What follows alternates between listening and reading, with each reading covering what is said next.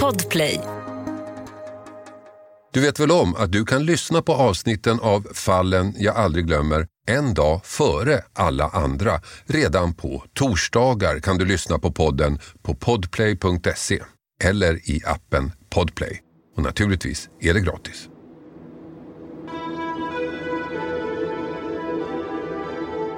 Det var en väldigt stor kriminalteknisk undersökning. Det var väldigt mycket spår som skickades in till dåvarande SKL. Det kom ju svar nästan hela tiden, var, liksom dagligen, men det var bara negativt, negativt hela tiden. Så det, var, det var ganska frustrerande där att um, det blev så mycket bomträffar så att säga. Jag vill minnas att det var en vecka innan rättegången. Då ringde ju hon, koordinatorn på SKL, och frågade om uh, Står du upp? Ja, sa jag. Men, sa hon, jag tycker du ska sätta dig ner, jag har något att berätta om du döms till livstid för det här, då ska jag ta över och ta hämnd. Och sen slogs jag av att det var otroligt mycket våld. Vi fick ju en bild av en människa som förvandlades till en fullblodig rättshaverist. Nu är man ju ändå van som polis, men det är ju långt ifrån alltid att man blir hotad på det där sättet. Fallen jag aldrig glömmer. Podden som inte handlar om förövarna, som inte handlar om brottsoffer, utan som handlar om de som gjorde sitt jobb och löste brotten. Dubbelmordet i Långared.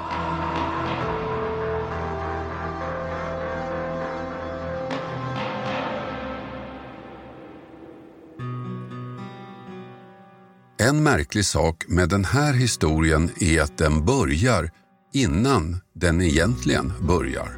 Redan tre dagar före själva brottet får utredningen ett genombrott. En utredning som alltså ännu inte börjat. Ett par dagar innan det här hemska inträffar så är det ett vittne som är ute och promenerar i närområdet. Och då ser hon, det är ju några hundra meter från brottsplatsen, eh, de här makarnas gård, att det står en, en bil innekörd i en skogsglänta eh, som det aldrig brukar stå någon bil. Och Det tycker hon är lite märkligt så hon eh, tar, eller läser av bilnumret där och när hon kommer hem, hon kan inte riktigt förklara varför, men hon, hon skriver upp det här bilnumret på ett kollegieblock. Den du hör är Daniel Larsson, den åklagare som fick ansvaret för den här utredningen. Den som alltså ännu inte startat.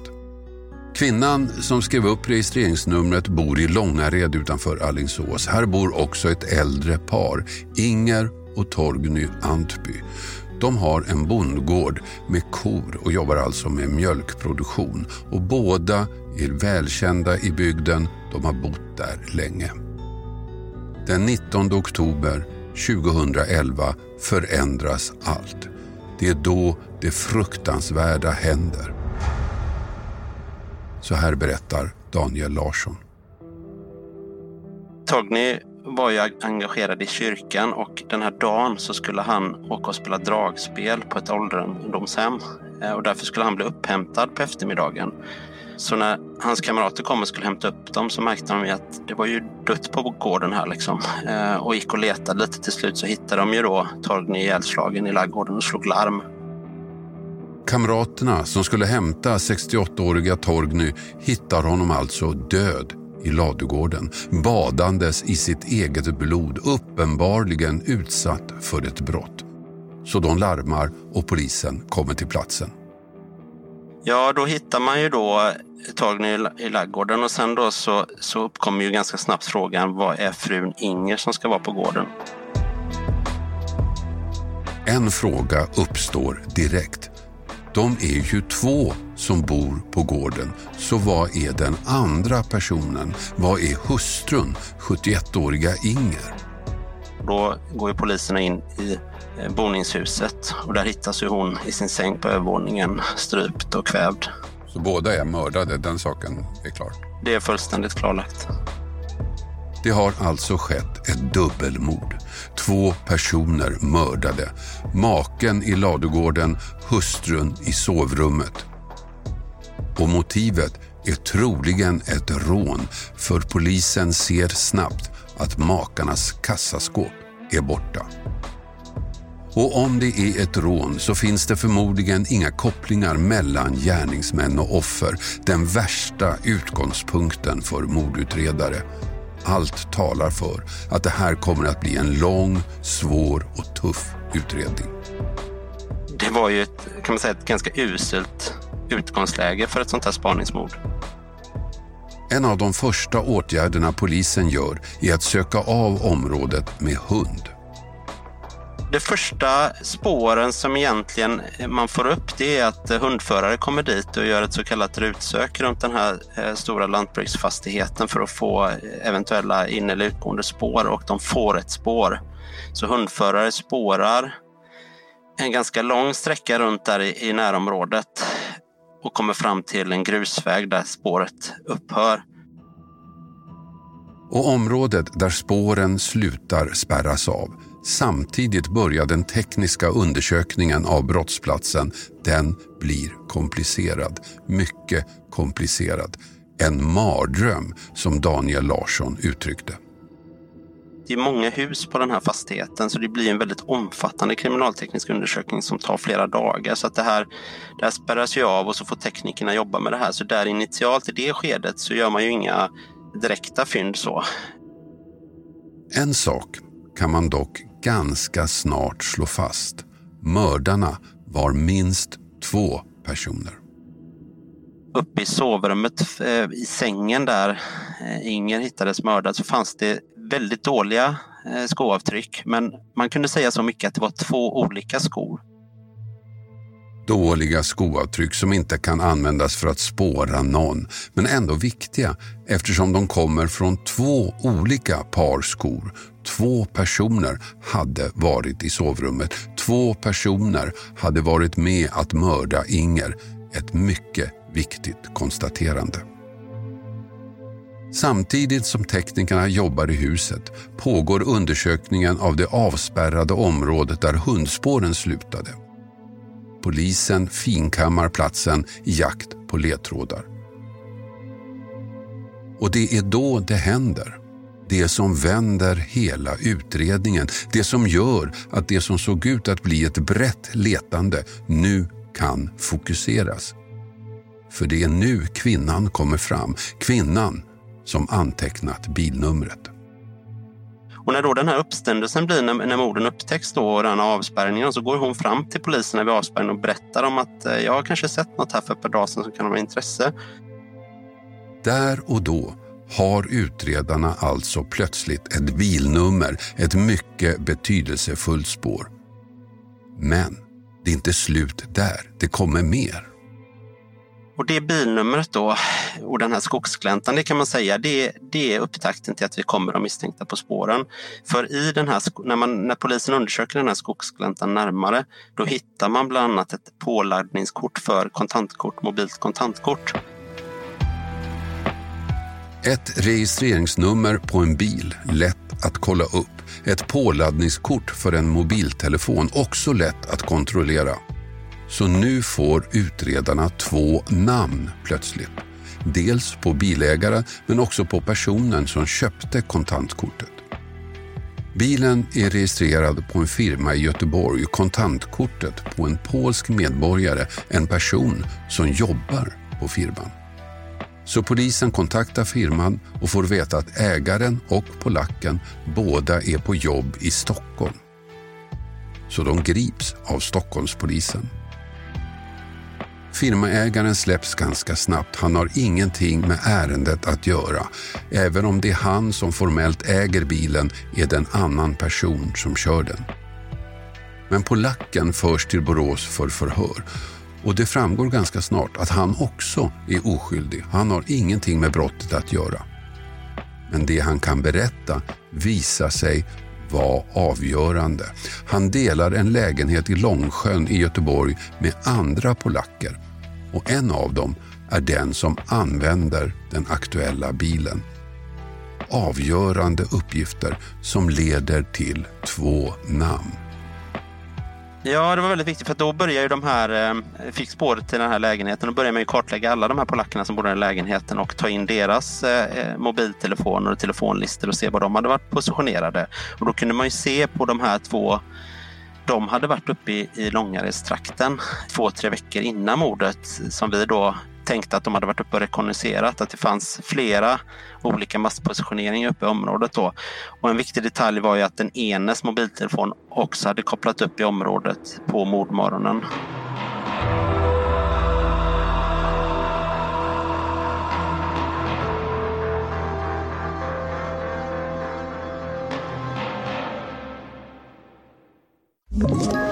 Ett poddtips från Podplay. I podden Något Kaiko garanterar östgötarna Brutti och jag, Davva, dig en stor dos skratt. Där följer jag pladask för köttätandet igen. Man är lite som en jävla vampyr. Man har fått lite blodsmak och då måste man ha mer. Udda spaningar, fängslande anekdoter och en och annan arg rant. Jag måste ha mitt kaffe på morgonen för annars är jag ingen trevlig människa. Då är du ingen trevlig människa, punkt. Något Kaiko, hör du på Podplay. Därför är gardinerna.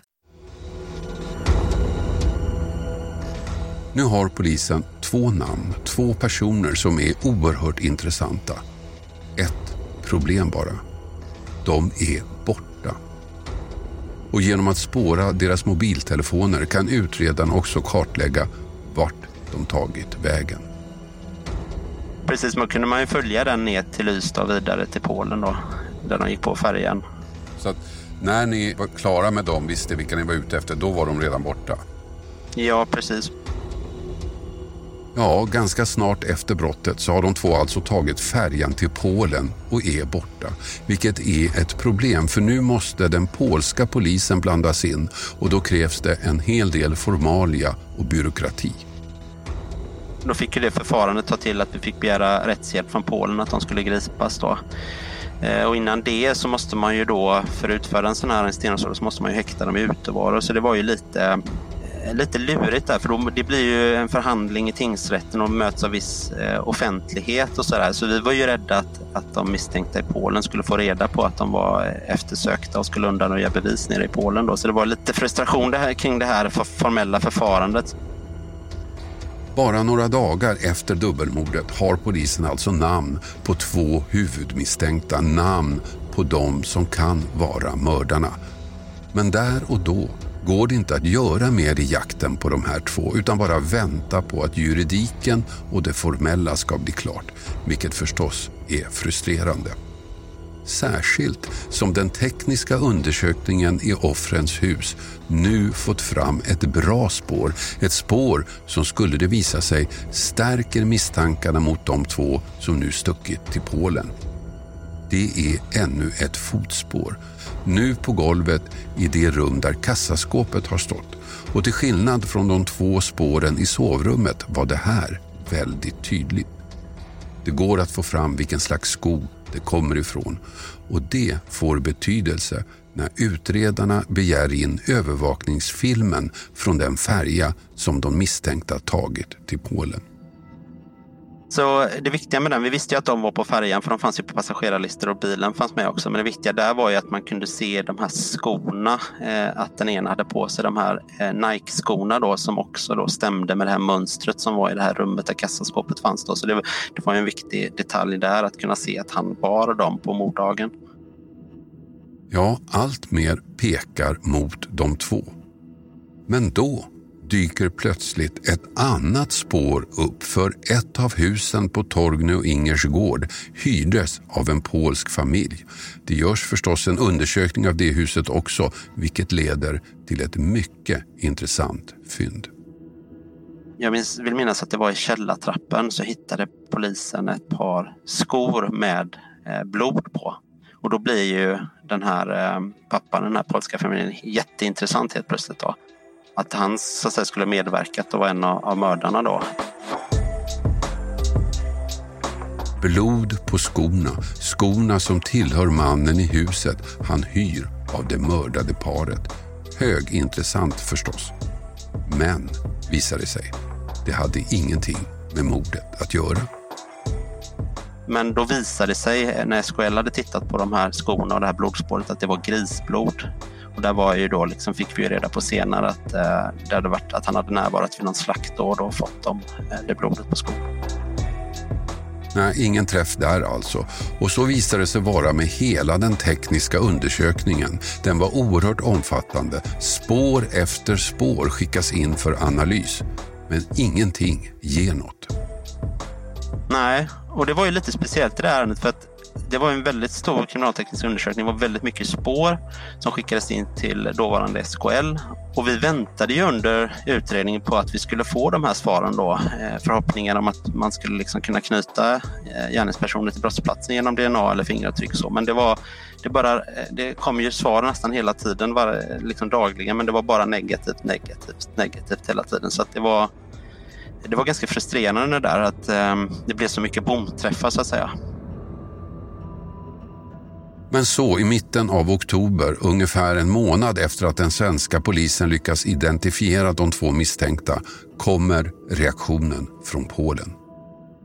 Och det var en lite speciell tid där, för vi fick inga bra svar från Polen om de jobbar med vårt ärende eller inte. Men sen när de väl, det var någon specialstyrka som sattes ihop där i Polen i mitten av november och då gick det väldigt snabbt från att eh, vi fick besked att nu jobbar de med ert ärende till själva gripandet. Då. Och då var det väldigt viktigt att få ner våra kriminaltekniker på plats till Polen för att undersöka då, för bilen fanns ju där nere i Polen då. Eh, och det gjordes också fynd då hemma hos den ene sedermera dömda eh, mördarna där. Eh, man hittade bland annat de här eh, väska med de här väldigt speciella stora buntbanden som offren också var fjättrade med. Och så transporteras de två till Sverige, sätts i häkte och förhörs. Båda nekar förstås. Men en av de andra som bodde i samma lägenhet i Göteborg som de här två vittnar om att de misstänkta lämnade lägenheten klockan två på natten på morddagen. Vilket skulle ge dem tid att utföra brottet. Intressant uppgift, visst, men också typ den enda utredningen hade. Att de två misstänkta var i området där morden skedde. Ganska svagt bevisläge, långt ifrån säkert att det skulle hålla en domstol. Det var ju ett tufft indiciefall. Min bedömning var väl att det här är 50-50. Eh, det kan hålla, det kan inte hålla. Liksom. Det, var väldigt eh, eh, tufft bevisläge. Vi hade ju ingenting, vi hade ju ingen DNA eller någonting som liksom knöt dem till brottsplatsen i det skedet. Va? Ja, det är alltså med ett visst tvivel som Daniel Larsson väcker åtal. Han saknar det där avgörande tekniska beviset. Det där som kan knyta de misstänkta till offren. Fingeravtryck, DNA, vad som helst som var svart på vitt. Något som inte går att förklara bort. Och det har han inte. Men plötsligt får han en idé. Det är bra som åklagare att vara lite kritiskt tänkande och ifrågasätta allt man ser åt alla möjliga håll och sådär. Och när jag satt och gick igenom det här, det var ju väldigt omfattande de här tekniska protokollen från, från SKL och de olika spåren och olika koder så det kan vara ganska svårt att få ihop det ibland. Men jag satt och bläddrade där så kände jag att jag såg att de, när det gällde då de misstänkta den här bilen som vi misstänkte de användes då där hade det liksom i bagageutrymmet, dels hade de bara tittat då efter DNA på vissa ställen hade de fått ut då. Och det fick jag förklarat för att man kan liksom inte testa en hel bil på DNA utan vi måste välja ut strategiska ställen då för att testa då, sa de på SKL. Men det jag såg då var att när det gäller bagageutrymmet då så hade de bara gjort test på blod. Och det, det tänkte jag, men eh, det kan ju finnas andra kroppsvätskor, till exempel saliv. Eh, det hade ju förekommit strypning och så som brukar generera en del så Daniel Larsson tar kontakt med SKL, Statens kriminaltekniska laboratorium och begär att DNA-analyserna ska breddas. Att man inte bara ska leta blod utan se om det finns andra vätskor. Det tar sin lilla tid, men sen, i sista stund kan man säga, kommer svaret. Jag vill minnas att det var en vecka innan rättegången. Då ringde ju hon, koordinatorn på SKL, och frågade om eh, Står du upp? Ja, sa jag. Men sa hon, jag tycker du ska sätta dig ner, jag har något att berätta. Ja, okej, okay. så gick jag och satte mig på mitt tjänsterum och så sa hon Vi har hittat Ingers DNA i bagageutrymmet vid de här tilläggsundersökningarna. Och där har han det. Beviset Daniel Larsson saknat. Det som kan knyta ihop morden med förövarna. Det kändes som då som att det här var pusselbiten vi behövde. Nu har vi liksom den bilen de har använt den här morddagen som vi vet de har använt. där offrets DNA finns i den bilen. Eh, det kändes som att det var liksom då, då eh, kände jag att men nu, eh, nu börjar det krypa upp här. Vi, vi kan nog kanske få en fällande dom här i det här tuffa indicie-caset.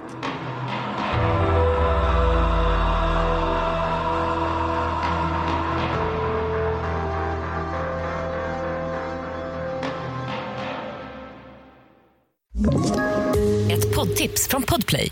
I podden Något Kaiko garanterar östgötarna Brutti och jag, Davva, dig en stor dos skratt.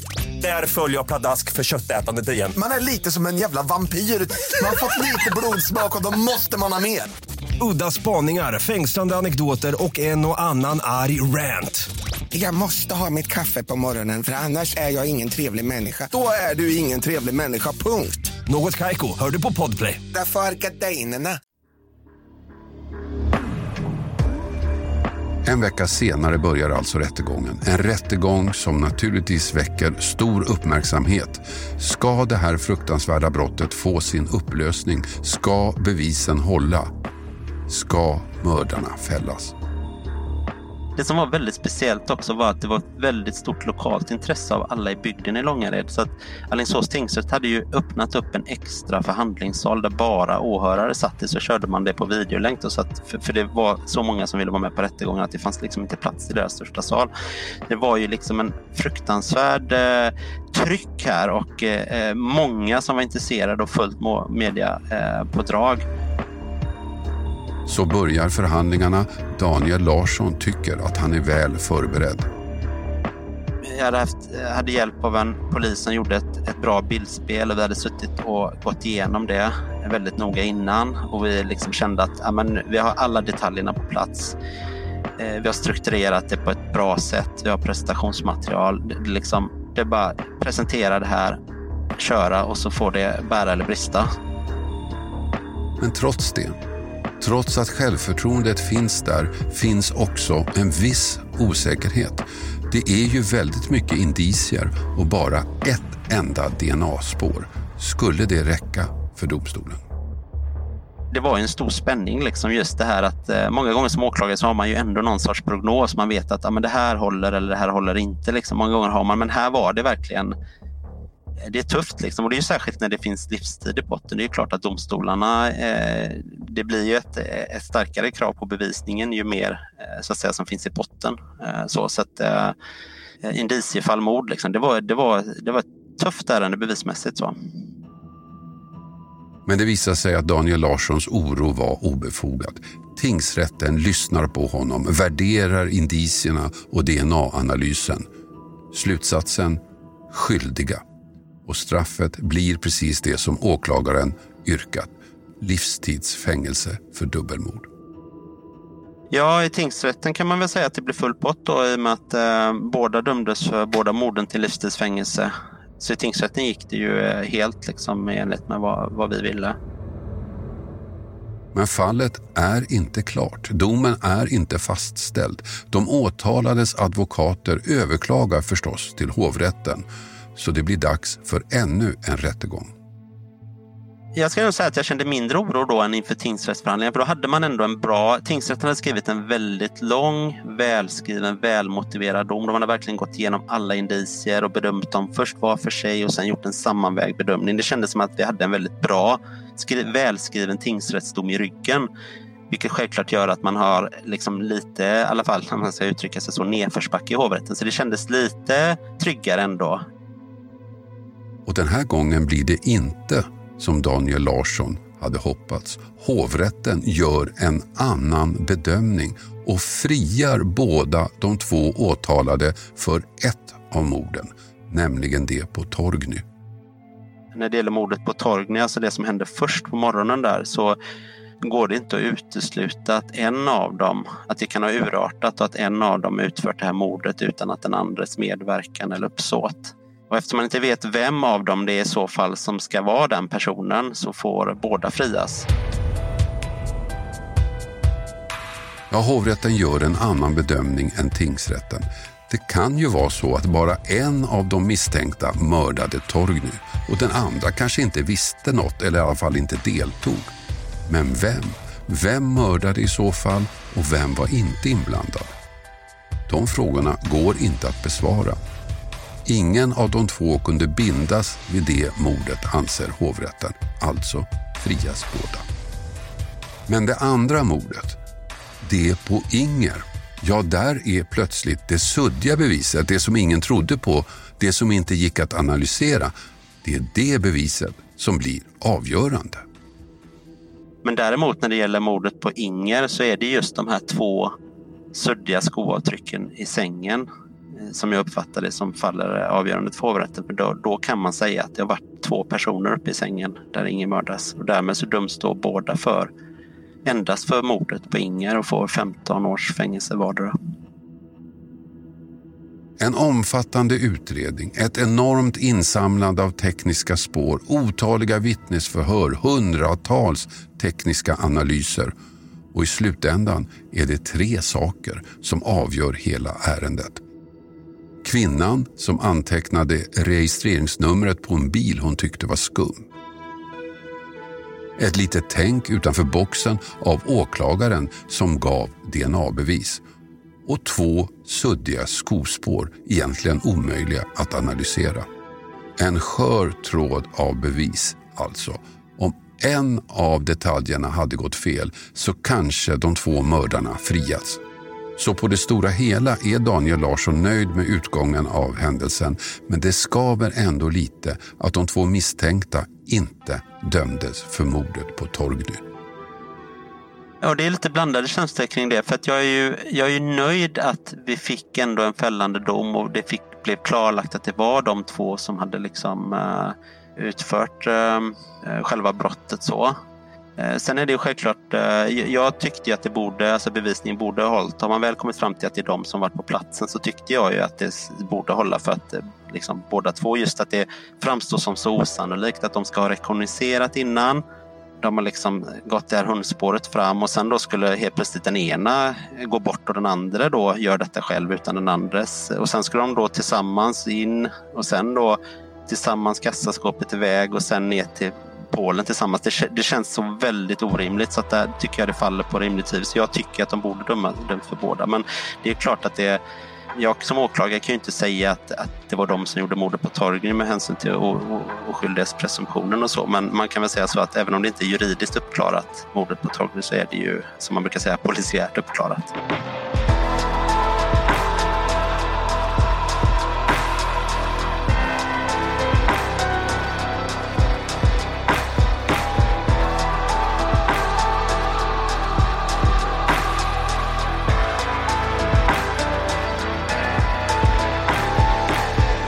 Du har hört podden Fallen jag aldrig glömmer. Klippning David Davva Persson. Och jag heter Hasse Aro. Du vet väl om att du kan lyssna på avsnitten av Fallen jag aldrig glömmer en dag före alla andra. Redan på torsdagar kan du lyssna på podden på podplay.se eller i appen Podplay. Och naturligtvis är det gratis. Podplay, en del av Power ett poddtips från Podplay. I podden Något Kaiko garanterar östgötarna Brutti och jag, Davva, dig en stor dos skratt. Där följer jag pladask för köttätandet igen. Man är lite som en jävla vampyr. Man har fått lite blodsmak och då måste man ha mer. Udda spaningar, fängslande anekdoter och en och annan arg rant. Jag måste ha mitt kaffe på morgonen för annars är jag ingen trevlig människa. Då är du ingen trevlig människa, punkt. Något Kaiko, hör du på Podplay. Därför arkadeinerna.